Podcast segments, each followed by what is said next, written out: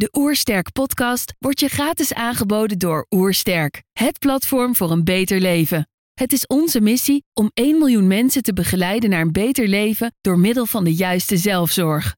Wil je weten hoe jij kunt werken aan een beter leven? Ga dan naar www.oersterk.nu gezondheidscheck voor onze gratis gezondheidscheck en krijg direct jouw uitslag met persoonlijk advies. Mijn naam is William Kortvriend en je luistert naar de Oersterk podcast. Je hebt een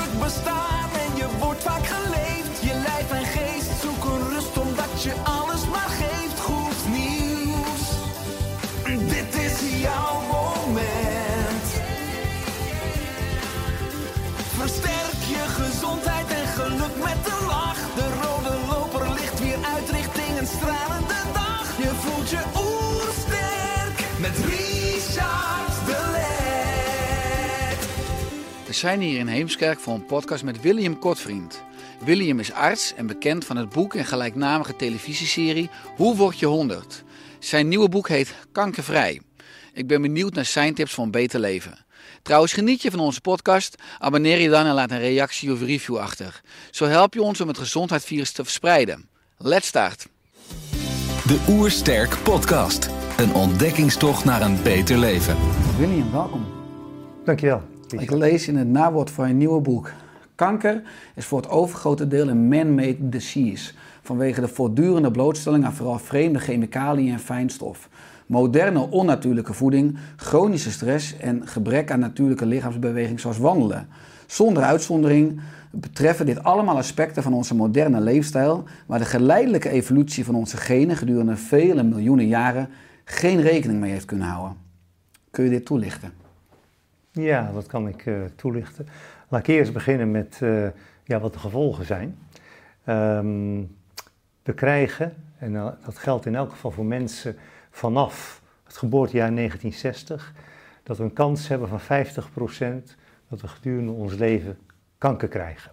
Dat betekent, als je een gezin van vier personen gaat kijken, betekent dat er al 94% kans is dat één van die gezinsleden kanker krijgt gedurende je leven. Dus kanker is bij ons allemaal.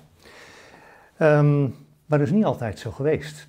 Ehm, het wordt enerzijds verklaard omdat we steeds ouder worden. En kanker treedt vaker op als je ouder wordt. Eh, eh, dat is eigenlijk bij alle ziektes zo, hart- en vaatziekten, diabetes, auto-immuunziektes, noem maar op.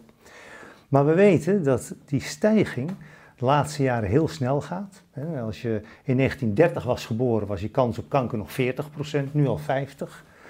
Maar wat ja, heel alarmerend is, is dat er in prehistorische botten, en dan heb ik het over botten van meer dan 10.000 jaar oud, van skeletten van, van, van die tijd, er is nog nooit kanker in gevonden.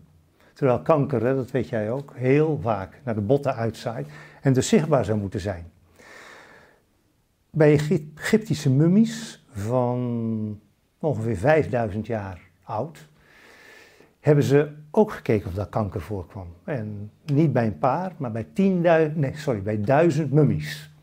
En hebben ze vijf tumoren gevonden. En van die vijf was er maar één kanker. Dat is één op de duizend, één promiel. Dat is dus heel anders dan wat we nu vinden. 50% Dus er is een stijging geweest, daar is geen twijfel over mogelijk. En ja, wat we eigenlijk bij alle moderne ziektes zien, de westerse ziekten worden het ook wel genoemd, hè, diabetes, hart- en vaatziekten, obesitas. Ja, dat daar toch een sterke relatie is met dingen die we anders zijn gaan doen. En die heb je net allemaal genoemd. Zoals hè, we bewegen niet meer. We, we, jagen, verzamelen niet meer, als je het een beetje ingewikkeld uh, zou, uh, zou moeten zeggen. We zitten zoals wij eigenlijk nu zitten, zitten we stil. Uh, als we eten willen hebben, lopen we naar de koelkast. Dat is vaak ja, al, al, al processed, zoals ze in het Engels zeggen. Dus in de fabriek bereid. Bewerkt, ja. En ja, we zijn natuurlijk ja, een, een biologisch wezen die zich steeds aanpast aan, aan de omstandigheden. Evolutie wordt dat genaamd genoemd, maar we zijn natuurlijk nooit gemaakt om in een tijdsbestek van misschien 100 jaar, of zoals nu eigenlijk gebeurt, in een tijdstip van 50 jaar of nog minder, ons ineens genetisch aan te passen. Dat is niet gebeurd. En ja, de consequenties zien we en kanker zou daar wel eens één van kunnen zijn. Uh, ik zelf weet het zelf zeker dat dat, dat uh, eh, een, belangrijke reden is. Ja, dus onze genen begrijpen eigenlijk geen bal van ons gedrag, hè, zou je kunnen zeggen. Je laat in je boek zien dat de gemiddelde kans om gedurende je leven nu kanker te krijgen voor een man 45% is, voor een vrouw 37%. En dat uiteindelijk nu 1 op de 3 mensen in de lage landen sterft aan de gevolgen van kanker. Ja. Daarnaast introduceer je eigenlijk naast de klassieke benadering van kanker ook een metabole benadering in het boek. En ja, is, is er dus een soort stofwisselingsstoornis van een cel hè, met een centrale rol voor de mitochondriën? Ja, de, de, de opvatting die we, die we eh, nu hebben over kanker is dat er in ons DNA of de genen in onze celkernen, dat daar veranderingen optreden. Hè, Dat noemen we met een ingewikkeld woord mutaties. En dat daarvoor door op een gegeven moment verkeerde eiwitten worden aangemaakt. En die cel gaat op hol slaan, luistert niet meer naar de regelmechanismen en gaat eigenlijk zelfstandig doen wat het wil en dat heet dan kanker. En afhankelijk van wat voor orgaan of waar het gelokaliseerd is, is dat dan meer of minder kwaadaardig. Maar er is iets raars aan de hand. Want als je dus een cel hebt, en daar zit een kern in, en een kern van een kankercel met al die slechte genetische informatie, die ga je eruit halen. En die ga je in een andere gezonde cel zetten waar de gezonde celkern is uitgehaald. Dus je hebt hè, het omhulsen van die cel met de zieke celkern en die ga je laten groeien. Dan zou je verwachten, als alle informatie in die celkern zit, zou die cel zich tot kankercel moeten ontwikkelen. En dat gebeurt niet. Die cel ontwikkelt zich tot een normale cel. En dan ga je het omgekeerde doen. Dan ga je het omhulsel van een kankercel pakken. Dan haal je die, die zieke kern haal je eruit. En dan pak je een gezonde kern van een andere cel. Ga je gezonde kern in een kankercel stoppen. En dan zie je dat hij zich wel tot kankercel eh, ontwikkelt. En dat is heel raar. Want als de kern hè, de bestuurder zou zijn, dan zou die moeten bepalen, het wordt een kankercel of niet. Maar blijkbaar is de rest van de cel die dat bepaalt. En inmiddels weten we ja, ook wat voor celonderdeeltje dat, eh, dat doet. En dat is de mitochondrium. En mitochondrium, ja, dat is een heel speciaal deel van je cel, wat als het ware de energiecentrale van onze cel is. En waar dus een heel groot deel van de stofwisseling van de cel plaatsvindt. Ja, dat laat je heel mooi treffend, wat je nu zo ook grafisch zien in je boek. Hè? Echt met een plaatje van die celkern. Dus dat het niet per se in de celkern en in de genen zit. Dat is ook een beetje de oude geneeskunde, de genetica. Maar ook veel meer dus ook in de mitochondriën, die weer enorm beïnvloed worden door leefstijl. Ja. En dan, dan maak je ook een brug in het boek met chronische ontstekingen. Laten we die vooral moeten aanpassen. Dat komt terug in je boek Hoe word je 100? Dat komt terug in je eerdere boek Lichter. Waarom is het aanpakken van chronische ontstekingen zo belangrijk? Chronische ontstekingen is eigenlijk de eerste stap die we zien in het ja, dysfunctioneren, heet dat zo ingewikkeld, van ons lichaam. Dus hè, dat ons lichaam ehm, ja, niet meer goed reageert op eh, chronische prikkels. Ontsteking is eigenlijk een, een, een heel normaal mechanisme in ons lichaam. Als ik per ongeluk in mijn vinger snij, dan komt daar wat bloed uit en eh, ja, dan, dan, dan, dan gaat dat bloed uiteraard stollen. En na verloop van tijd wordt het rood en gaat het wat zeer doen. Dat is een ontsteking. Uh, en dat is goed, via een ontsteking repareert ons lichaam dingen. Het wordt heel anders wanneer die ontsteking chronisch wordt. Um, en wanneer de prikkels als het ware niet weggaan, het onderliggend is er iets, iets wat er gebeurt. Het beste voorbeeld is natuurlijk roken. We weten allemaal dat roken slecht is en uiteindelijk tot kanker kan leiden. Nou, roken, de, chemicaliën die daarin zitten, die veroorzaken chronische ontsteking van je luchtwegen, maar bijvoorbeeld ook van je maagwand. Maagkanker is ook, kan ook een gevolg zijn van, uh, van roken. En als je natuurlijk blijft roken, blijft die ontsteking bestaan en kan uiteindelijk tot kanker leiden. En dat heeft ook weer een hele mooie relatie met de mitochondriën. Want die mitochondriën die zijn heel sterk betrokken bij een ontsteking, bij een chronische ontsteking. Gaan uiteindelijk beschadigen. En als je mitochondriën beschadigen, dan gaan er meer zogenaamde vrije zuurstofradicalen ontstaan. Je stofwisseling raakt gestoord. En die vrije zuurstofradicalen, die gaan die genetische verandering in je kern bewerkstelligen. Dus wat de klassieke geneeskunde zegt, of klassieke genetica, van dat bij kanker de genen van de celkern gestoord zijn, ja, dat weten we en dat kunnen we zien. Alleen dat is niet de primaire stoornis. Er komt eigenlijk een stap, of misschien wel twee stappen voor. Die chronische ontsteking, die mitochondriën die zich anders gaan gedragen. Je celstofwisseling gaat veranderen, zullen we het straks nog wel over hebben, denk ik. Dat ze, de, de cel gaat andere uh, voedingsstoffen gebruiken, gaat die ook op een andere manier omzetten. Vrije zuurstofradicalen, genetische veranderingen. De cel slaat op hol en je krijgt kanker. Ja, en normaal gesproken zijn de mitochondriën ook belangrijk, wat je in je boek laat zien voor apoptose, een natuurlijke celdood. Dus als je wat ontspoort, dat eigenlijk dat de cel zichzelf afbreekt. Uh, maar eh, die beschadiging, eigenlijk die opeenhoping van beschadigingen, die zorgen ervoor eigenlijk dat dat proces niet meer goed optreedt. En dat Ja. er dus kanker, ongeremde celdeling kan ontstaan. Nou, je laat in je boek zien dat slechts 5 tot 10 procent van alle kanker een rechtstreekse relatie heeft met bepaalde genen die van je ouders erft. Dus de overige, enorm, 90 tot 95 procent, wordt volledig bepaald door de invloeden vanuit je omgeving en dus je eigen leefstijl.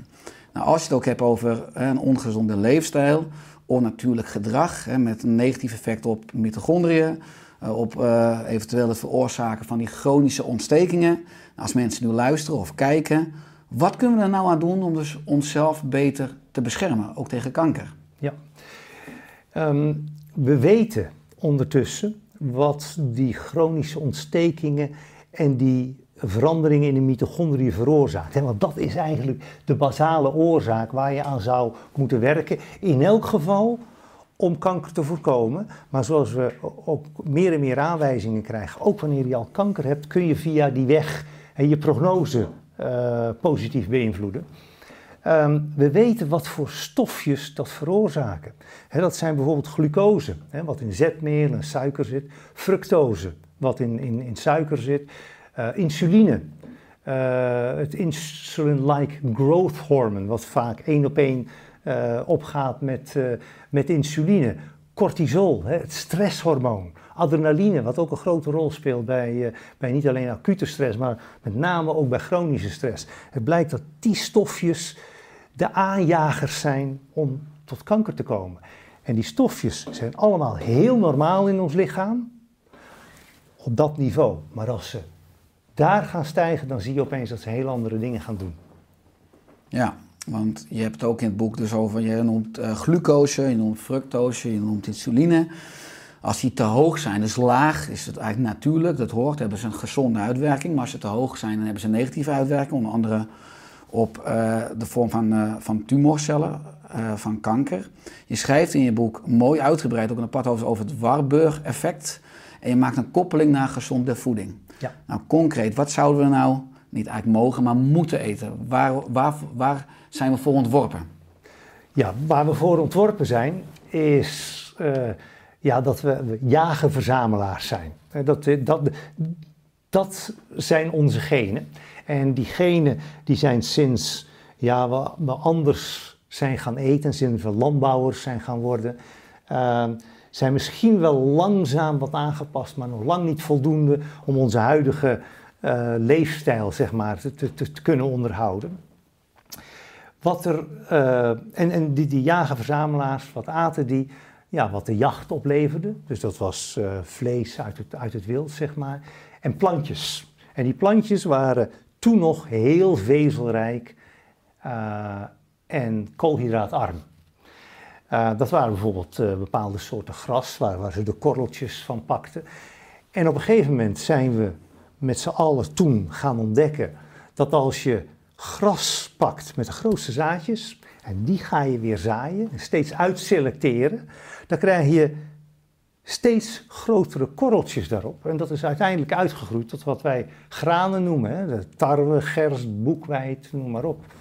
En die zijn we gaan eten. En we zijn dus heel koolhydraatrijk gaan eten. En daar zijn, ja, nadat Columbus Amerika heeft ontdekt waar de aardappel vandaan komt, hebben we daar ook nog eens de aardappel aan toegevoegd. Dus eigenlijk al onze processed foods, de industrieel bereide voeding, zijn afgeleid van die koolhydraatrijke voeding. En dat is vooral in onze moderne maatschappij ook heel handig. Want in tegenstelling tot vetten die ranzig worden, eiwitten die snel bederven, kun je koolhydraten ook nog eens heel lang bewaren. Dus eh, eigenlijk heel handig geworden.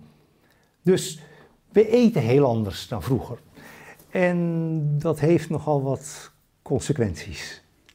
Ehm, bijvoorbeeld, uh, een, het, het, belangrijkste uh, verteerproduct van, van koolhydraten is glucose. Nou, glucose, als dat in ons bloed komt, dat geeft ja, stijging van, van, van de glucosespiegel. En dat heet in de volksmond ook wel bloedsuikerspiegel. Nou, we weten dat dat allerlei effecten kan hebben, want glucose is geen bouwsteen van ons lichaam. Dat kan alleen maar gebruikt worden als brandstof. Nou, als wij nu iets met glucose gaan eten, terwijl we hier vrij ontspannen zitten te praten, dan wordt dat niet gebruikt als brandstof, maar dan kan ons lichaam er maar één ding mee doen uiteindelijk, dat is opslaan als vet. Dus dan krijgen we overgewicht. En we weten ook dat als je ja, overgewicht langdurig hebt, dat het kan leiden tot allerlei dingen. Hart- en vaatziekten is natuurlijk bekend, diabetes type 2 is bekend. Maar we weten ook dat hoe dikker je bent, hoe meer kans je op kanker hebt. Hoe hoger je bloedsuikerspiegel is, wat daar natuurlijk één op één mee te maken heeft, hoe hoger je kans op kanker is. En ook hoe hoger je bloedsuikerspiegel is, hoe agressiever die kankercel wordt. En dat heeft alles te maken met het woord wat je net noemde, het waarboerig effect. Nou, wat is dat? Onze mitochondriën zijn de, de, de, de celorganelletjes die glucose en ook bijvoorbeeld vetzuren of ketonen, andersoortige uh, voedingsstoffen, die die gaan omzetten in energie. En dat is een soort uniforme energie, ATP genaamd in ons lichaam. Wat men, wat mij betreft, weer mag vergeten, die, die, hè, dat het ATP heet. Adenosine trifosfaat, voor de echte freaks van de luister altijd. Ja. betekent dat jij een van hen bent, ja. dat is een echte freak. Ja. maar, um, uh, dus, en hoe meer glucose er in ons bloed zit, hoe hoger die bloedsuikerspiegel is, ten eerste hoe gevoeliger ons lichaam wordt voor chronische ontstekingen. Dus we zien dat mensen die, die, die, die, die dik zijn, of te dik zijn, of die diabetes hebben, hebben altijd een hoge ontstekingsgraad in het lichaam. En die ontstekingsgraad gaat die mitochondriën beschadigen. We hebben net gezien, eigenlijk de eerste stap op weg naar kanker. En wat er gaat gebeuren, die, die, die mitochondriën, die kan op een gegeven moment glucose niet meer verbranden. En de reactie met zuurstof. Maar die kankercel, die moet toch aan zijn energie komen. Dus wat gaat hij doen? Die gaat glucose fermenteren. En daar komt nog bij, een kankercel kan ook geen vetzuur of ketonen meer gebruiken. Helemaal niet meer, want die kun je niet fermenteren. Die kun je alleen maar verbranden of oxideren. Dus een kankercel moet glucose gaan fermenteren. En dat fermentatieproces is veel minder efficiënt dan het verbranden. Per molecuul glucose levert dat maar 1 32ste op van het oxideren. En wat betekent dat? Dat een kankercel, om te overleven, om onze energie op te slurpen, heeft gigantische hoeveelheden glucose nodig. En het Waarburg-effect zegt dus eigenlijk twee dingen. Wat Waarburg ontdekte is van, hé, hey, dat celorganelletje, toen nog met zijn relatief primitieve microscoop, want we praten nu jaren 1920, hij zag dat die mitochondriën beschadigd waren en hij zag dat kankercellen gigantische hoeveelheden glucose nodig hadden. Nou, hij heeft dat gepubliceerd. Uh, Waarburg was niet de eerste beste, was een wereldberoemde uh, biochemicus, heeft daar een Nobelprijs voor gekregen. En je zou denken, Eureka, we weten nu hoe kanker aan de basis ontstaat. En dat hele onderzoek is eigenlijk vergeten. Omdat spoedig daarna kwamen Watson en Crick met hun ontdekking van het DNA. 1953. En, ja, en dat, uh, we zagen toen dat bepaalde kankersoorten heel bepaalde uh, veranderingen in de genen hadden. Daar is toen al het onderzoek op gestort. En men vond ook een aantal geneesmiddelen die op basis daarvan werkzaam waren. En dat was het dus. En het waarborgeffect is eigenlijk tot vrij recent, want de laatste tien jaar begint het toch weer op te komen, is het eigenlijk een beetje vergeten. Ja, want je zegt dat uh, een tumorcel, een kankercel, enorm veel glucose nodig heeft. Het is alleen, het is compleet afhankelijk van. De verbranding vindt niet plaats eigenlijk efficiënt in de mitochondriën, maar daarbuiten, zeg maar, in het cytoplasma, in het, in het vocht van een cel. Uh, dus dan is het logisch om te zeggen van als je kanker hebt of geen kanker wil krijgen, zorg ervoor dat je niet te veel glucose, dus koolhydraten, vooral bewerkte koolhydraten binnenkrijgt. Je noemt het woord processed en je noemt granen en je noemt aardappelen. Maar dan misschien een prikkelende brug. Als ik dan ook luister naar het reguliere voedingsadvies, onder andere van het voedingscentrum, dan hoor ik toch dat ik iedere dag een paar broodjes moet eten of een paar, een paar lepels aardappelen. En in ieder geval een, een grote inname aan koolhydraten. Ja. Dat is dan misschien een spanningsveld. Ik zou bijna willen zeggen, breek me de bek niet open. Uh, mijn tenen gaan er uh, krom van staan.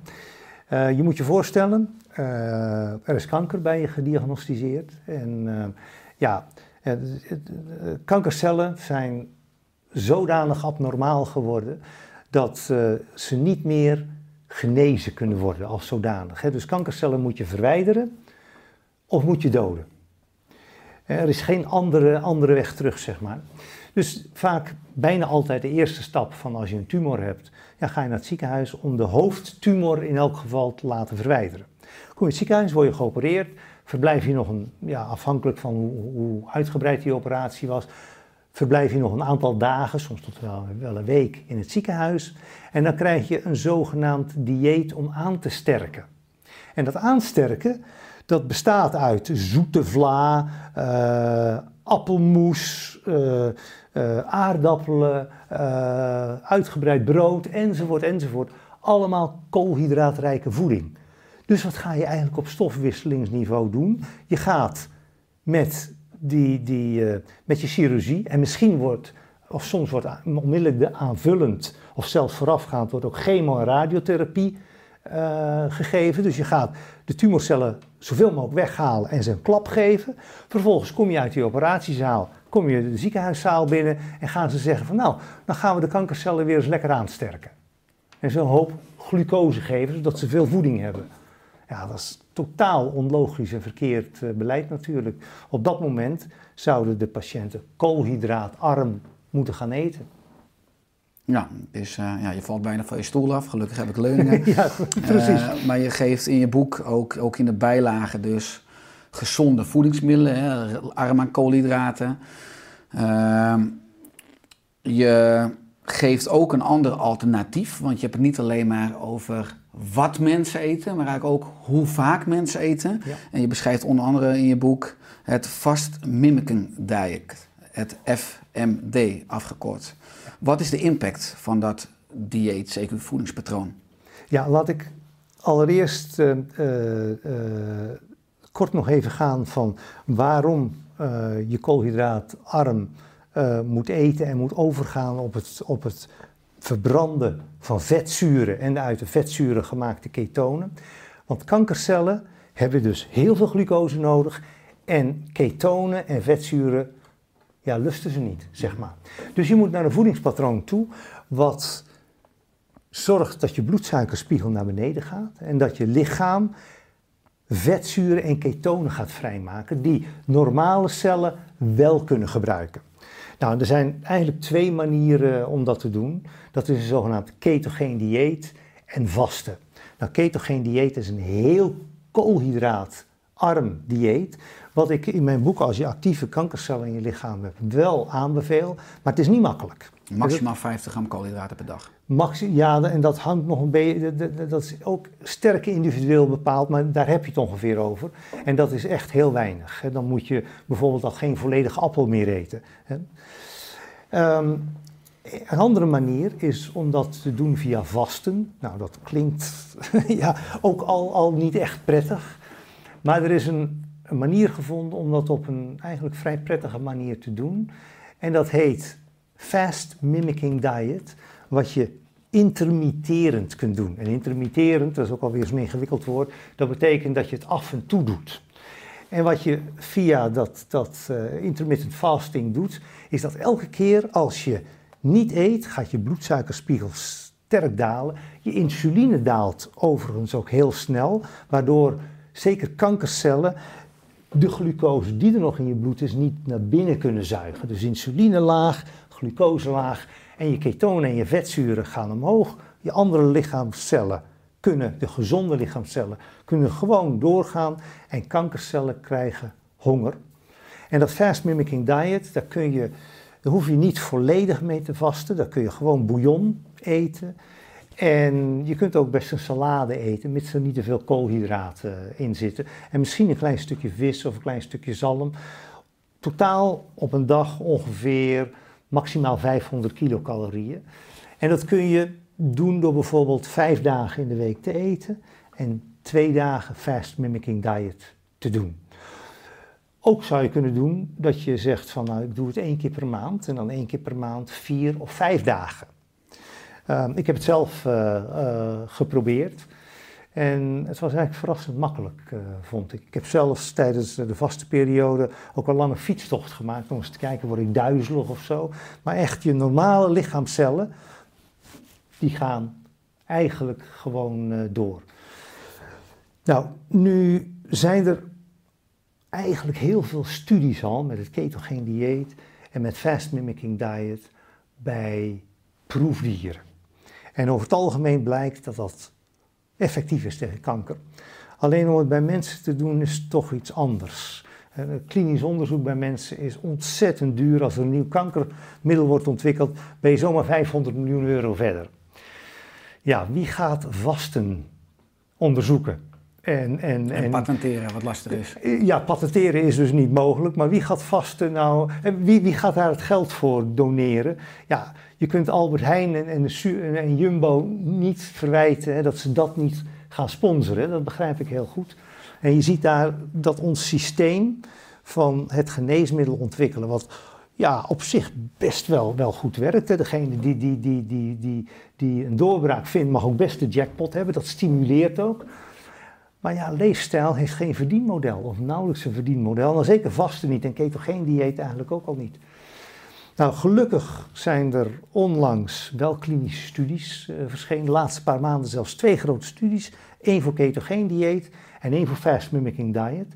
Laat ik met het laatste beginnen, want die studie is in Nederland uitgevoerd. Door de Universiteit van Leiden uh, gepubliceerd. Samen met de BOOG-groep, uh, onderzoeksgroep voor, voor borstkanker. Uh, het is ook onderzocht bij patiënten met, uh, met borstkanker. De ene groep kreeg uh, chemotherapie en de andere kreeg voorafgaand aan de chemotherapie drie dagen voorafgaand fast mimicking diet.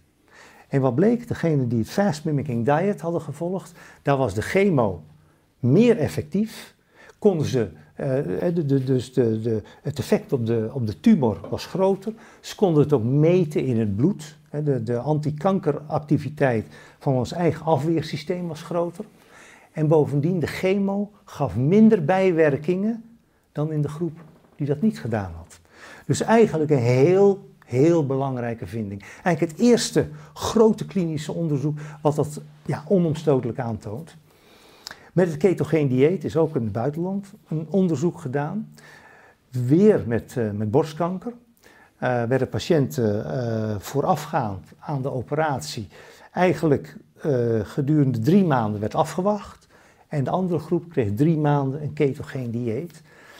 En die groep die het ketogeen dieet had gevolgd, had een veel sterkere afname van de primaire tumor, dus de basistumor in de borst, dan de groep die geen ketogeen dieet had gevolgd. Dus ook daar bleek weer dat de theorie, zoals ik hem eigenlijk net heb, heb uitgelegd, ook in de praktijk werkt en niet zo'n beetje ook. Ja, deze voorbeelden en publicaties vind ik in je nieuwe boek. Hè? Ik heb het uh, gelezen afgelopen week als voorbereiding op deze podcast. Je zegt mensen met kanker, maar ook de preventie van kanker, zouden dus onze glucose en insuline zo laag mogelijk mogen houden. Nou zie je ook dat mensen met diabetes, type 2, hè, veelal dagelijks insuline spuiten. En ik, ik zag een quote van je op de uh, website Je Leefsel als Medicijn van Wim Tilburgs. Hippocrates zei ooit dat we voeding ons medicijn kunnen laten zijn. We kunnen hier nu aan toevoegen dat we voeding niet onze ziekteverwekker mogen laten zijn. Laat dat laatste een waarschuwing zijn tegen het ongebreideld voorschrijven van insuline-injecties. Ja. Kun je dat toelichten? Ja, dat, uh, het, uh, ik denk dat, dat uh, ik al voldoende toe heb gelicht dat eh, hoge spiegels van glucose veroorzaakt door onze voeding, dat dat gevaarlijk is en dat dat onnatuurlijk is. Hè, dat dat iets is van de laatste paar honderd jaar, eh, zeg maar. Ehm, om glucose in een cel op te nemen, hebben we insuline nodig. Dat is dus een heel normaal en noodzakelijk hormoon. Als we insuline niet hebben, daar is een heel bekend ziektebeeld, dat is diabetes type 1. Eigenlijk de oorspronkelijke diabetes, eh, ook wel juveniele diabetes eh, genoemd. Ehm, nu is het zo dat kankercellen, die hebben dus ongelooflijke hoeveelheden glucose nodig. En ja, die willen dat eigenlijk gewoon continu binnenslurpen. Wat zie je dan als je die kankercel gaat onderzoeken? Heeft die kankercel tot wel 30 keer meer insulinereceptoren dan een normale cel. Dus zodra er insuline in je bloed is, zeggen die kankercellen als eerste: Hup, ik pak dat insuline. En die insuline zegt: Hop, nu kunnen we glucose de cel binnenloodsen. Dus daaruit volgt eigenlijk hoe meer insuline je in je bloed hebt, althans in theorie, hoe meer je de kanker bevoordeelt. Nou, wat blijkt? Diabetespatiënten hebben veel meer diabetes type 2, niet type 1, want die hebben juist lage spiegels insuline, maar diabetes type 2 patiënten die van nature al hoge insulinespiegels hebben, hebben een veel hogere kans om kanker te krijgen. Op een gegeven moment komt iemand bij de, bij de dokter en die heeft diabetes type 2. Nou, wordt die eerst behandeld met geneesmiddelen, zoals bijvoorbeeld metformine, dat is waarschijnlijk eh, de meest eh, bekende. Dat zijn orale middelen. Ja, op een gegeven moment als dat doorgaat, is dat niet meer voldoende en moeten ze insuline bijspuiten. Vanaf het moment dat een diabetes type 2 op recept en advies van de dokter natuurlijk, want dat zijn injecties op recept, insuline gaat spuiten, gaat zijn kans om kanker te krijgen bijna twee keer omhoog. En we begrijpen nu waarom, want dat lichaam, die, die, die kankercel, die krijgt opeens een overmaat aan insuline. En die zeggen, dankjewel, nu kan ik de glucose nog beter opnemen. En kunnen dus gaan groeien. En daar komt nog bij, als je zelfs al heb je nog geen kanker, insuline is behalve dat het je glucose, de glucose uit je bloed de cel binnen laat komen, is ook een zogenaamd anabool hormoon. En anabool, dat is fantastisch eh, als je een kind bent. Kinderen kunnen alleen maar groeien door anabolen, wat eigenlijk opbouwende effecten zijn. Een anabool effect is dat de cel sneller gaat groeien en sneller gaat delen. Ook leuk als je bijvoorbeeld een grote wond hebt. Maar als je, net zoals jij en ik, volwassen bent en volgroeit, ja, hoeven we niet zo anabool meer te zijn. Dat betekent anabool dat er meer kans is dat verkeerde cellen zich gaan ontwikkelen en, en, en gaan delen en groeien. En dat heet onder andere kanker. Ja, want als je het hebt over diabetes type 2, er zijn ruim 1 miljoen mensen in ons land. Komen ieder jaar, of sorry, iedere dag voor mij ruim 150 mensen bij. Ik heb mezelf jarenlang verhuurd van 2007 tot 2011 aan thuiszorginstellingen, waar je heel veel diabeteszorg geeft. En daar is wel een beetje de tendens van, nou ja, we zijn nu een paar jaar verder, maar insuline is heel onschuldig. En ik neem nog een extra cakeje of een glas frisdrank, geen probleem, want ik spuit gewoon wat extra insuline, bij. Maar dat is eigenlijk dus contra. Eh, ja, contra. eh, bedoel, je, bent van twee kanten olie op het vuur Ja. aan het gooien. Hè, je gooit er hier glucose in, waarvan we nu al weten hè, dat dat kankercellen hè, die, eh, ja, onmiddellijk van voeding voorziet en, en zorgt dat ze, dat ze verder kunnen delen enzovoort enzovoort. En aan de andere kant ga je ook nog eens insuline erin spuiten, wat zegt van, oh, nu kan die kankercel ook nog veel beter die glucose de cel binnentrekken. En dus je bent van, ei- eigenlijk ben je dit aan het doen. Hè? Twee kanten olie op het vuur aan het gieten. Ja, en je geeft eigenlijk van twee kanten de verkeerde communicatie aan je cellen. Ja. Ja. Wat ik mooi vind ook in je nieuwe boek is dat je, dat je bruggen bouwt. Hè? Je omarmt zowel de reguliere zeg maar, aanpak en ook een aanpak vanuit zeg maar, dan de nieuwe leefstijlgeneeskunde. Eh, je hebt ook de terecht een plek voor chirurgie, voor chemotherapie, voor radiotherapie, dus voor bestraling. Hoe kijk jij naar zeg maar, het bruggen bouwen en naar de geneeskunde van de toekomst? Dus ook als mensen nu luisteren of ons eh, zien eh, en ze hebben nu kanker, wat kunnen mensen zelf doen? Ja, de- de- Richard, jij, jij en ik zijn natuurlijk allebei opgeleid eh, met een klassieke opleiding tot arts. En daar is in principe niks mis mee Alleen er mist natuurlijk wel wat. En, en we noemen dat tegenwoordig met een mooi woord leefstijl. We moeten oppassen dat we die twee dingen niet tegen elkaar gaan zetten. Want dat is niet constructief. Ehm, om het even in kankertermen te zeggen, hè, de, de- een van de dingen die ik aanbeveel eh, in het boek is, is meer bewegen, omdat dat echt eh, blijkt eh, te, eh, niet alleen kanker te kunnen voorkomen, maar ook te helpen bij de behandeling. Maar je gaat niet zomaar even, als je kanker hebt, je kanker wegjoggen. En Zo werkt het niet. De, de therapieën die we eh, hebben tegen kanker zijn eigenlijk fantastische bevindingen. Sommige zijn bij toeval gedaan, andere zijn echt, ja, hebben echt aan, aan, aan ontzettend knappe engineering gewerkt om die medicijnen te vinden. Ja, maar Alleen wat, als aanvulling, wa- wat je als het begin van het boek heel sterk laat zien, is dat het ook niet per se goed is om de reguliere aanpak dus af te wijzen, omdat je dan een grotere eh, overlijdenskans hebt als je Ja, ja, dat- ook niet omarmt. Dus dat vind ik ook het mooie aan, aan dat bruggen bouwen. Ja, we hebben het dan vaak over ja, klassieke geneeskunde en alternatieve geneeskunde. En het is het een of het andere. Ja, ik vind er is maar één soort behandeling. En dat is de beste behandeling die mogelijk is. En daar eh, mogen we eigenlijk geen mogelijkheid missen om daar wat aan te doen. Kijk, de klassieke behandeling van diabetes type 2 is eerst metformine en als dat niet helpt, dan gaan we naar de insuline. In bepaalde gevallen is dat nodig, maar we weten ook dat voedingsadviezen enorm goed helpt bij, eh, bij diabetes type 2. Nou, is dat dan alternatief en is het het een of het andere? Nee, we moeten gewoon alle hulpmiddelen inzetten. En dat is al helemaal waar bij kanker.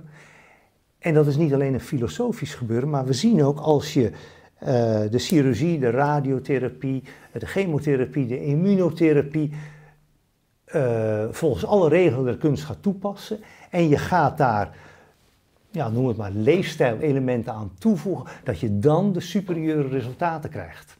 En vandaar dat ik ook eh, ja, nu steeds zeg van, er mag eigenlijk geen patiënt bij de oncoloog uit de kamer stappen zonder dat aan zijn arsenaal, wat ik net heb genoemd, ook een leefstijladvies is toegevoegd. Als een oncoloog een patiënt behandelt met een tumor en die heeft misschien ook overgewicht, dan moet dat overgewicht eraf. En dan moet die patiënt metabool normaal worden gemaakt. En we zien dan ook dat de resultaten beter worden.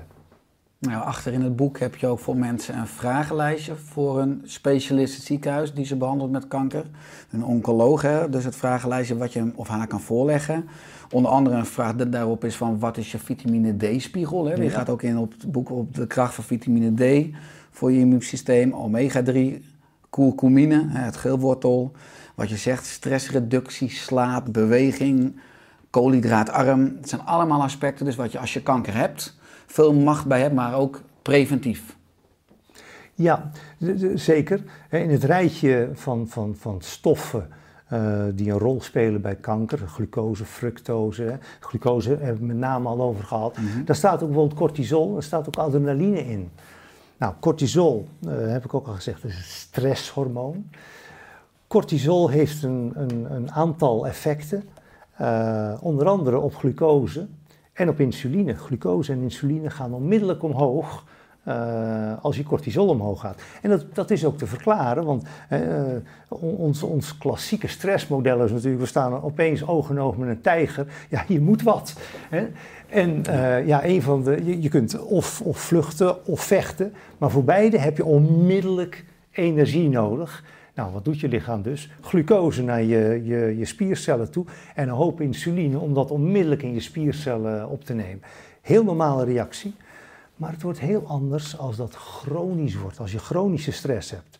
En ja, heel veel mensen hebben natuurlijk chronische stress en al zeker als je hoort dat je kanker krijgt natuurlijk. En dat is ja, paniek bij wijze van spreken.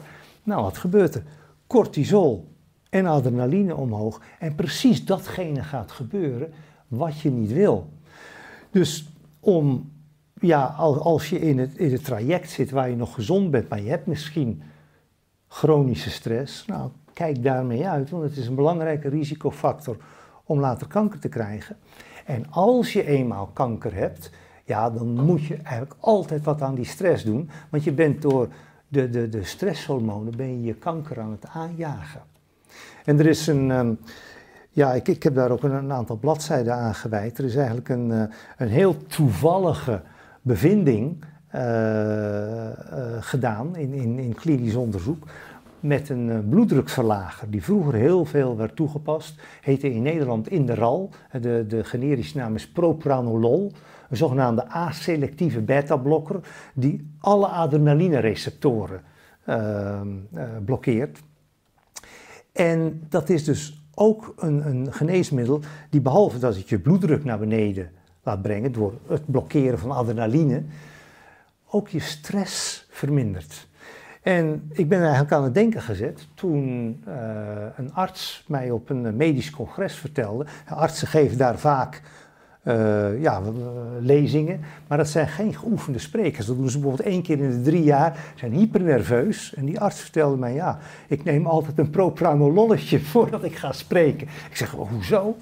En nou, toen legde hij mij dat uit en toen ben ik erover na gaan denken. En toen bleek bijvoorbeeld dat het ook op de verboden lijst stond voor uh, Olympische Spelen, omdat het je stress kan reduceren en je daardoor bijvoorbeeld beter boog kan schieten. En toen ben ik in het klinisch onderzoek, wat al bekend was, gaan, gaan duiken. En wat blijkt? Mensen die voor hun hoge bloeddruk jarenlang propranolol hadden geslikt, hadden minder kans om kanker te krijgen. En in proefdieren was men inmiddels al verder gaan onderzoeken en bleek propranolol antikankeractiviteit te hebben. En wanneer je nu mensen met propranolol gaat behandelen, er zijn niet heel veel klinische onderzoeken, maar wel één goede uit het Arthur uh, Anderson Hospital in, in Houston, Texas, waar uh, Lance Armstrong bijvoorbeeld tegen zijn testiscarcinoom is, uh, is behandeld, heeft gepubliceerd dat wanneer zij na de operatie, na de chemo, patiënten behandelen met propranolol, zij minder kans hebben dat hun kanker terugkomt. Door het blokkeren van de stressrespons. En dat wil dus niet zeggen dat propranolol het enige middel is waarmee je dat kunt doen. En je kunt het ook bijvoorbeeld door, uh, door uh, yoga of wat dan ook. Maar we zien dus dat wat voorheen eigenlijk softe elementen werden genoemd, dat die heel verstrekkende gevolgen kunnen hebben en consequenties voor hoe je kanker behandelt. Maar als ik dan inga op stress, wat je zegt, is denk ik essentieel. Mensen die krijgen veel stress van de diagnose. Mensen houden vaak ook chronische stress in de tijd erop omdat ze de diagnose gehad hebben. U hebt kanker. Ook omdat heel veel mensen kanker een soort spook is, onzichtbaar, wat je op een dag kan overvallen. Je kan er niets tegen doen, want normaal, we leren het nergens, niet op scholen, niet van een overheidsinstituut. Er is geen leefstijlcentrum die deze kennis uit jouw boek aanraakt, uh, aanreikt. Uh, ieder jaar nou, gaan mensen langs de deuren om geld op te halen, KWF, om stappen te maken tegen kanker, dat we eindelijk de genen gaan vinden, dat we de oplossing in een laboratorium, dat we van buitenaf een oplossing vinden, maar ik hoor eigenlijk niets over leefstijl. Uh, ieder jaar live op Nederland 1 voor mij een, een, een evenement. Grote BN'ers, artiesten. Ik heb afgelopen jaar weer gekeken. André Verduin, mijn idool uit mijn jeugd. Maar ik denk, waarom krijgt deze informatie, leefstijl, dat is toch de belangrijkste. Dus zoeken we niet met z'n allen in de verkeerde hoek. Wat is jouw visie daarop? Die ervaring die je uh, nu geeft, uh, ja, heb ik zelf ook. Um, ja, we hebben een, een huis in, in Zuid-Spanje en er werd op een gegeven moment een wandeling georganiseerd tegen borstkanker. En dat is nu al een jaar of zes, zeven geleden. Het was prachtig weer. En uh, ja, mijn vrouw en ik zijn daar naartoe gegaan. En uh, denk ik, nou, wat was het, 5 euro per persoon betaald. En dan kregen we zo'n speldje op en met zo'n mooi strikje. En vervolgens gingen we vijf kilometer wandelen en keren we terug. Het was klaar. En toen ging iedereen op het terrasje zitten, lekker aan het bier of een wijn of wat. En dat was het dan. En toen dacht ik echt van ja, waar zijn we nu eigenlijk mee bezig? Want natuurlijk vindt iedereen borstkanker erg en, en iedereen wil dat dat weggaat. Maar als we niet bereid zijn om echt te gaan kijken naar, naar de oorzaken en ook alle oorzaken daarvan onder ogen te zien, ja, dan komen we natuurlijk nooit een stap verder. En uh, ja, mijn visie daarop is dat we uh, ja, uiteraard moeten gaan kijken naar al die elementen en niet moeten blijven zitten bij eh, van ja, het, het, het is nou eenmaal zo. En, en we zien dat ja, enorm veel vrouwen borstkanker krijgen. Of enorm veel mannen prostaatkanker. En we gaan geld inzamelen om daar nieuwe medicijnen tegen te ontwikkelen. Want dat is natuurlijk wat er gebeurt. Daar ben ik niet op tegen. Maar er is natuurlijk veel meer. Als je niet wil eh, onder ogen zien dat de twee grote risico's voor borstkanker zijn. Dat, je, eh, dat het alcoholgebruik is in de, in de tienerjaren bij vrouwen en overgewicht. En dat als je borstkanker, als je eenmaal borstkanker hebt, dat je door te vermageren en anders te eten en je stress behandelen, dat beter kunt behandelen dan voorheen. Als je dat niet onder ogen wil zien, ja, dan, dan wordt het een heel moeilijk verhaal. En dan accepteer je gewoon dat we steeds meer borstkanker krijgen, dat we steeds meer dikke darmkanker krijgen, dat we steeds meer prostaatkanker krijgen. En niet alleen, en wat je nog alles hoort, omdat we ouder worden, maar ook als je het per leeftijdsgroep bekijkt, zie je dat het sterk stijgt. Nou, dus er ligt nog enorm veel winst als we die kennis niet alleen maar in de maatschappij, maar ook in de geneeskunde krijgen. Hè? Ja. Ik vind het enorm mooi dat je je boek opdraagt aan jouw vrouw Stacy. Uh, in de inleiding geef je aan dat zij op uh, vijfjarige leeftijd had zij een astrocytoom uh, in haar brein. En ze werd door een moedige neurochirurg geopereerd met enorme risico's, schrijf je. Ja. Als hij er niet was geweest, had je vrouw het toen ook niet overleefd. is jouw vrouw ook de drijfveer geweest om dit boek te schrijven? Um, ja, wel een van de inspiratiebronnen, niet de enige hoor. Um, kijk, net zoals iedereen heb ik in mijn omgeving, familie, vrienden, veel gevallen van kanker uh, meegemaakt. Um, kijk, mijn vrouw heeft uh, kanker gehad en heeft ook overleefd voordat ik haar kende. Maar ik ken dat verhaal natuurlijk heel goed van haar ouders, wat ik ook, ook schrijf in, in, in het boek. zij was echt al opgegeven. En uiteindelijk heeft een, ja, zou het kunnen noemen, een verdwaalde neurochirurg die het risico wel wilde nemen, heeft haar nog geopereerd. Terwijl die tegen haar ouders uh, al had gezegd, nou, de kansen dat dit gaat lukken zijn heel miniem. En als ik de tumor al wegkrijg, al weg kan snijden, is de kans dat ze ja, uh, wakker wordt als een plant. Uh, zeer sterk aanwezig. Hè. Dus against all odds, om het maar op zijn Engels te zeggen, is dat toch helemaal goed gekomen. Maar wat uh, op mij persoonlijk een veel grotere indruk heeft gemaakt, is wat er met haar, haar broer is gebeurd. Um, 4,5 jaar, of eigenlijk 5,5 jaar geleden, toen de diagnose uh, slokdarmkanker kreeg. En haar broer, Brian, was een typisch geval. Hij had al twintig jaar last van overgewicht, ja, zoals zoveel Amerikanen. Maar hij had niet alleen last van overgewicht, maar echt was uh, ernstig obese. Had ernstig obesitas. Kreeg hart- en vaatziekten erbij. Kreeg diabetes type 2 erbij. Moest gaan injecteren. Eigenlijk heel klassiek. En ja, opeens kreeg hij slokdarmkanker. Um, hij begon wat moeilijker te slikken en zo naar de arts. En ja, het was op dat moment eigenlijk al uitgezaaid. Um, slokdarmkanker is, wat jij en ik nog uh, op school hebben geleerd, een, een, vrij zeldzame vorm van kanker. Is in de Verenigde Staten heel snel aan het toenemen. Slechte prognose? Slechte, heel slechte prognose. Samen met uh, alvleesklierkanker eigenlijk de meest slechte prognose. En Eén belangrijke reden, behalve natuurlijk het hele glucoseverhaal en het insulineverhaal, is ook dat doordat die patiënten zo dik zijn, komt er meer druk op de buik en krijg je meer terugvloed van het zuur in je slokdarmkanker, chronische irritatie, ontsteking, geleidelijk aan samen met die golven van glucose en insuline, het ontstaan van kwaadaardige tumoren. En je ziet in Amerika dat uh, slokdarmkanker enorm aan het stijgen is. Nou, hij heeft nog zeven maanden geleefd, heeft echt geleden afgezien. En uh, ja, dat is wel een heel belangrijke inspiratiebron geweest om, uh, om dit boek uiteindelijk te gaan schrijven. Ja. Ja. In het boek komt nou, de kracht van een gezonde leefstijl steeds terug, zowel curatief zou je kunnen zeggen als preventief. Dat liet je al zien in 2016. En toen schreef je het boek Hoe word je 100? Althans, toen werd de, ook de serie Hoe word je 100 door 6 miljoen mensen bekeken. En je schokte toen de medische wereld door de voordelen van een gezonde leefstijl bij mensen bij het, met welvaartsziektes te bewijzen. Ze vielen af en het medicatiegebruik nam ook radicaal af. Heeft dat enorme succes je toen verrast in 2016? Ehm, mm, ja en nee. Eh, het was een beetje een wisselend eh, eh, patroon wat we toen zagen. Allereerst was natuurlijk wat we toen bereikt hebben met die patiënten was niet minder dan sensationeel. Ehm, er, is nog een filmpje wat, eh, wat op eh, YouTube eh, circuleert. Hoe gaat het nu met John? John was een van de, van de mensen in die, in die serie.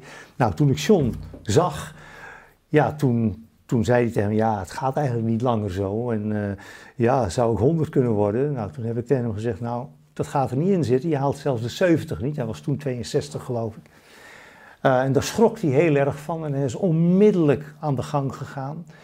Hij, ja, al, tien jaar, al meer dan tien jaar, injecteerde hij echt sloten insuline. En was een van die mensen, hè, die, hij, hij ging naar de bakker om een taartje te halen en had zijn insulinespuit al bij zich. Was een enorme grappenmaker ook. Ja, en was hij was die, die man die dan s'avonds laat nog die, eh die aardappelschijfjes van zijn mannen van het bord at. Omdat Ja. dat nog op de aanrecht stond. Dat Ja. ruimen ze niet op. Ja. Ja, en hij is fantastisch aan de slag gegaan. Want een van de eerste dingen die ze moesten doen, was hun, hun keuken en koelkast leeghalen van, met, van alle ongezonde voeding die ze daar hadden. En dat kwam ook op televisie. Dat, toen hadden ze de koelkast leeggehaald, er stond nog één ding in. Fles water. dus alles was ongezond. Zijn hele leven omgegooid. Hij was binnen twee dagen van zijn insuline af. En ja, daarna, hij had 13 medicijnen.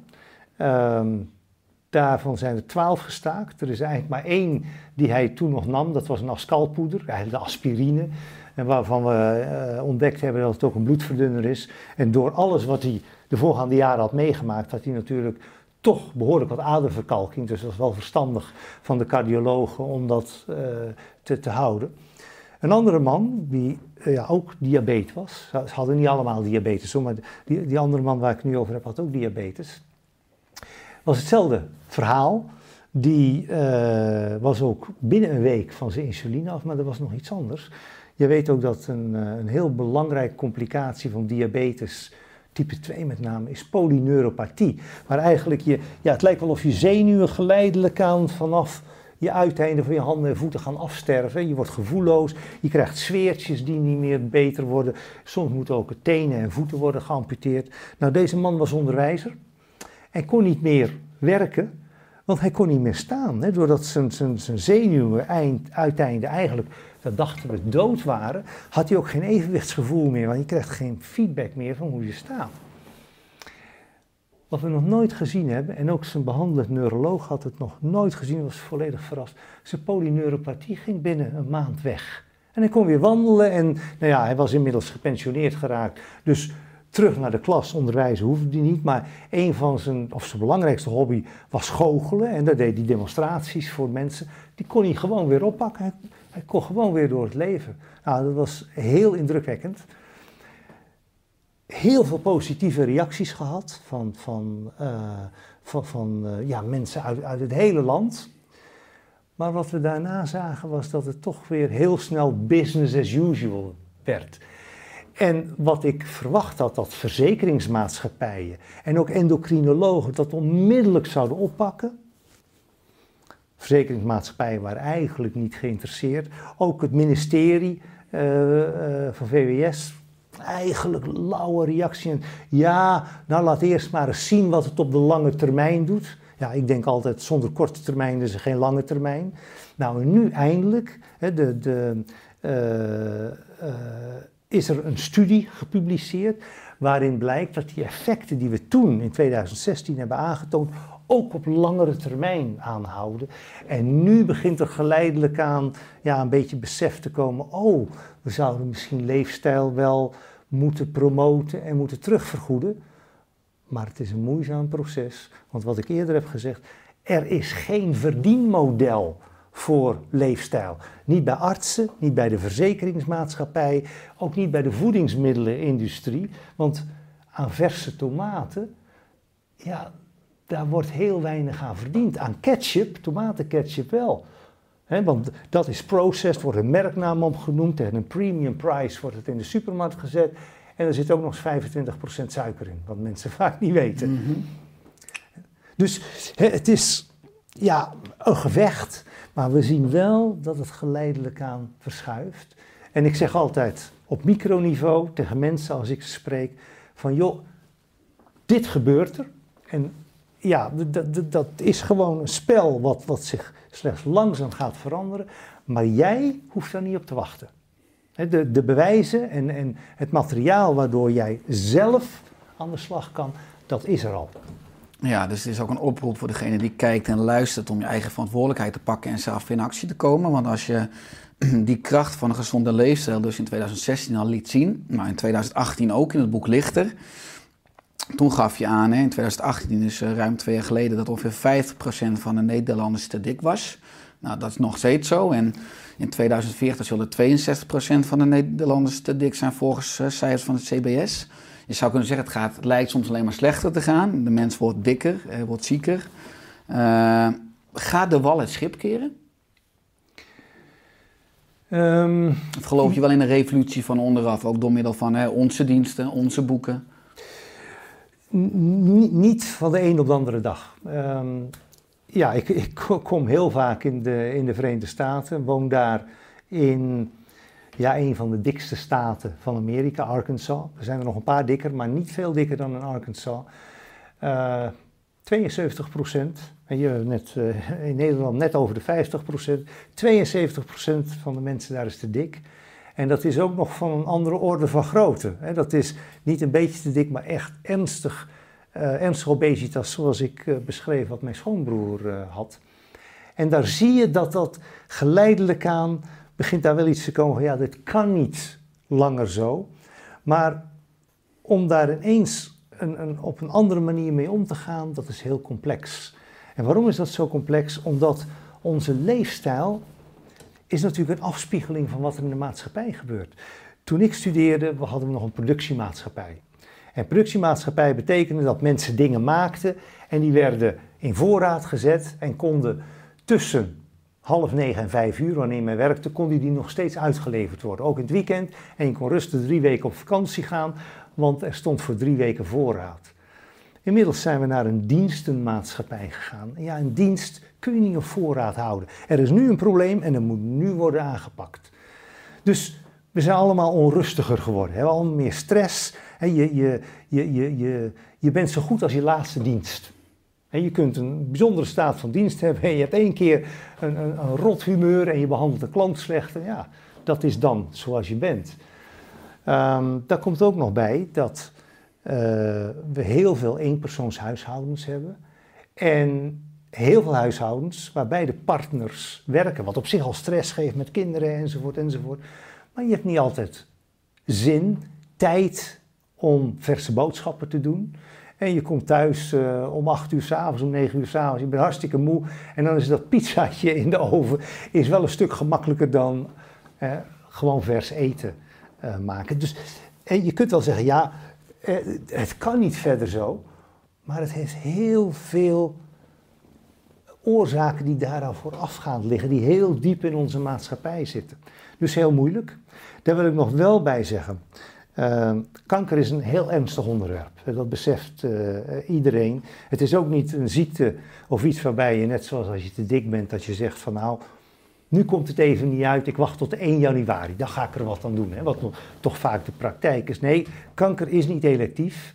Het is toch ja, het gevoel van als je de diagnose krijgt van ga ik er dood aan of ga ik er niet dood aan? Hè? Overleef ik het of overleef ik het niet? Een heel ja, begrijpelijk, in alle opzichten begrijpelijke reactie. Ehm, mijn uitgeverij en ik eh, hebben daar, daar het samen over gehad. En we vinden ook dat dit dermate belangrijk is van wat de mensen kunnen doen. Dit is niet alleen voor de mensen zelf, oncologen moeten dit ook weten. En wat ik al eerder zei, ik vind dat geen patiënt bij de oncoloog mag weglopen zonder een op maat gemaakt leefstijladvies of een verwijzing daar naartoe. En we hebben gewoon besloten, we hebben eh, alle oncologen in, eh, in Nederland en Vlaanderen, dus een Nederlandstalig taalgebied, in kaart gebracht. En die krijgen, ik denk dat het vandaag de bus op gaat, allemaal een boek met een brief toegestuurd. Van nou, dit en dit is bekend. En ja, dan kunnen ze mee doen eh, wat, wat ze willen. Maar ze kunnen in elk geval niet zeggen van, ja, ik wist dat helemaal niet of zo. Fantastisch, mooi initiatief, mooi. En als Mark Rutte ook het, eh, het boek leest en, eh, en je zou bellen, William, fantastisch boek. Ik heb hier nog een stoel over in Den Haag. Zou je minister willen worden gezonde leefstijl of preventie kanker? Wat zijn dan zeker dingen die je gelijk in Nederland zou doorvoeren? Ehm, ja, een goede vraag eh, waar ik niet helemaal op voorbereid was. Ehm, Soms maar- wil het voorkomen dat ik nog wel eens een goede vraag heb. Ik sta, ik sta er zelf ook van te kijken, moet je zeggen. Ja, ik denk, zei ik het echt?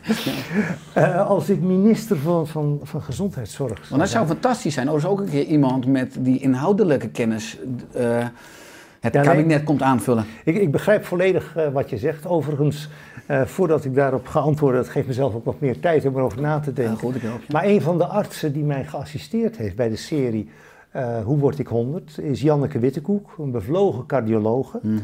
Ehm, en die is zeker voornemens om de politiek in te gaan. En al wat- beter, een nieuwe partij. Ja. ja?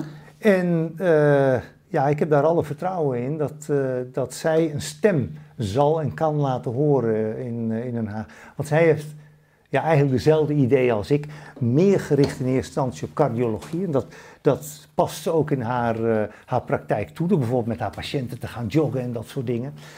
Maar eh, ik denk dat de, de eerste stap die ik zou doen, is om een aantal leefstijlelementen waarvan echt bewezen is dat die werken, uit te selecteren.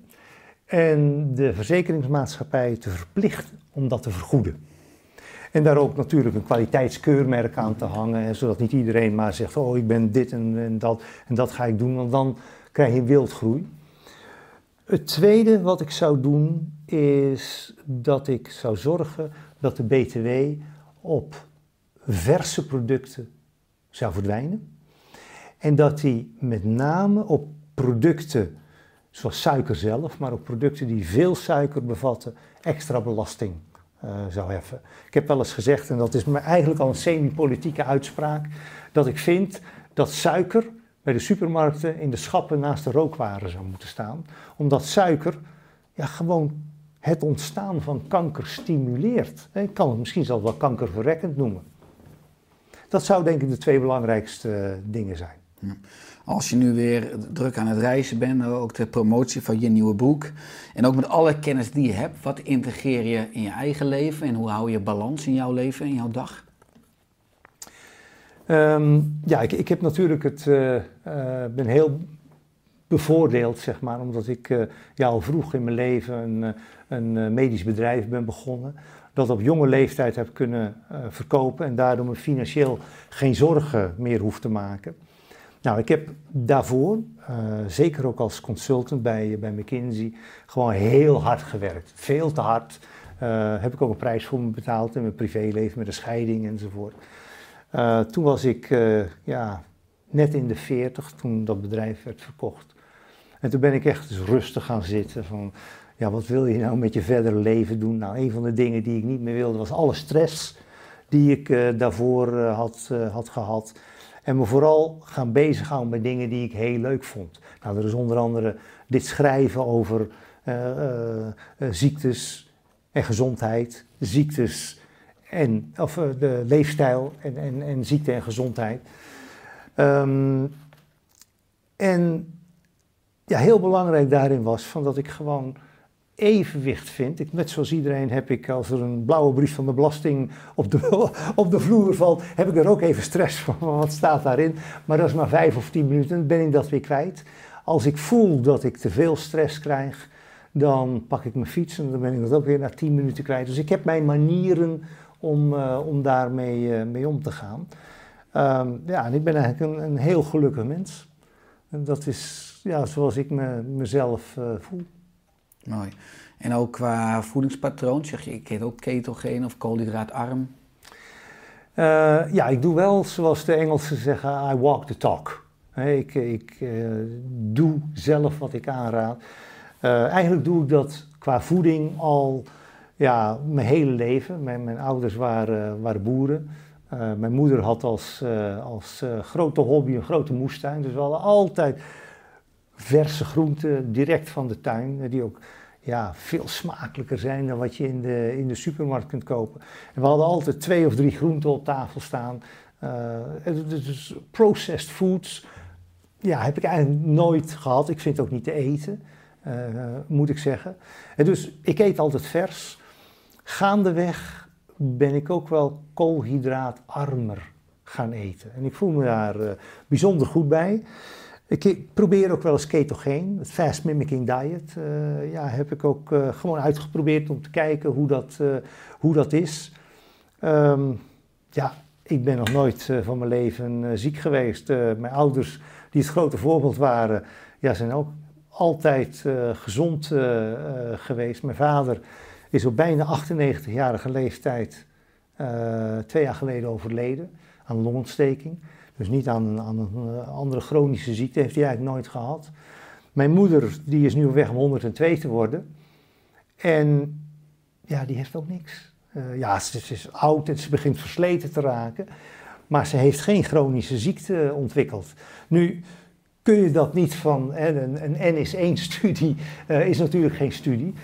Maar om even duidelijk te maken, mijn beide ouders zijn heel, hun hele leven heel gezond gebleven met, met hun levensstijl die ze met hun tweeën en hun gezin hadden. Mijn moeder komt uit een nest van tien, was de oudste. Alle anderen op haar jongste zus na zijn al overleden en vijf daarvan aan kanker. Bij mijn vader hetzelfde verhaal. Dus om maar simpel te zeggen, ja, je hebt wel goede genen. Nou, dat hoop ik dat ik goede genen heb. Maar dat is niet het hele verhaal. Er, er is wel iets heel speciaals wat, wat met mijn ouders aan de hand was. En dat was eigenlijk ook de eerste inspiratie om Hoe word je 100 te schrijven. Mooi, inspirerend, ja. Is er aan het einde van de podcast nog iets wat je graag wilt toevoegen? Nou, je hebt uh, je heel goed ingelezen in het, uh, in het boek. Um, en ja, eigenlijk de meest belangrijke vragen heb je, heb je gewoon allemaal gesteld en dus die zijn aan de orde gekomen. Eén keer wat ik nog heel erg wil benadrukken, wat ik net eigenlijk ook al gezegd heb. Wat heel belangrijk is, van je kunt zelf meer doen voor kanker dan alleen je oncoloog kan doen. De combinatie is wat de kracht is.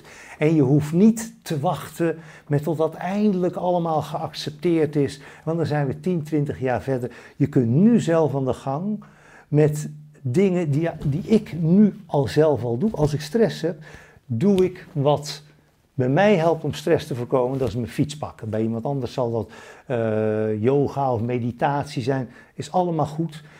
En de, voedingsver de verandering in je voedingspatroon die je kunt doorvoeren om enerzijds kanker te voorkomen, of de kans dat je kanker krijgt sterk te verminderen. En als je eenmaal kanker hebt, om je prognose te vergroten, ja, die zijn eigenlijk niet zo sensationeel. Dat kun je gewoon doen door vers te eten, wat op zich al veel lekkerder is.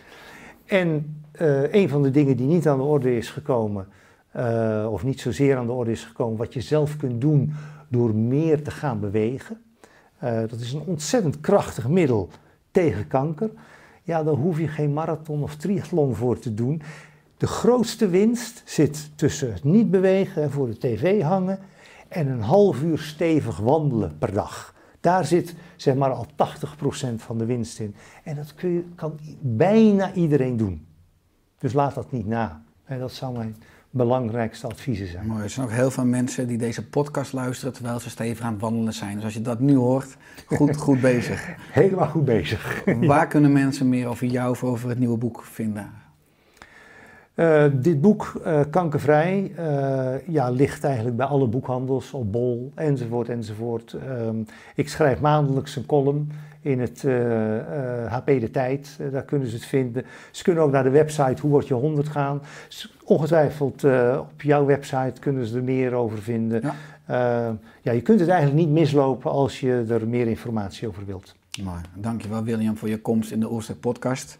Heel graag gedaan. Dank dat je al jaren inspiratie bent op het gebied van leefstijl en gezondheid. En ik hoop dat we samen ook aan komende jaar nog veel mooie bruggen mogen bouwen. Nou, dat hoop ik ook. Alle goed. Dankjewel, Dankjewel. Richard.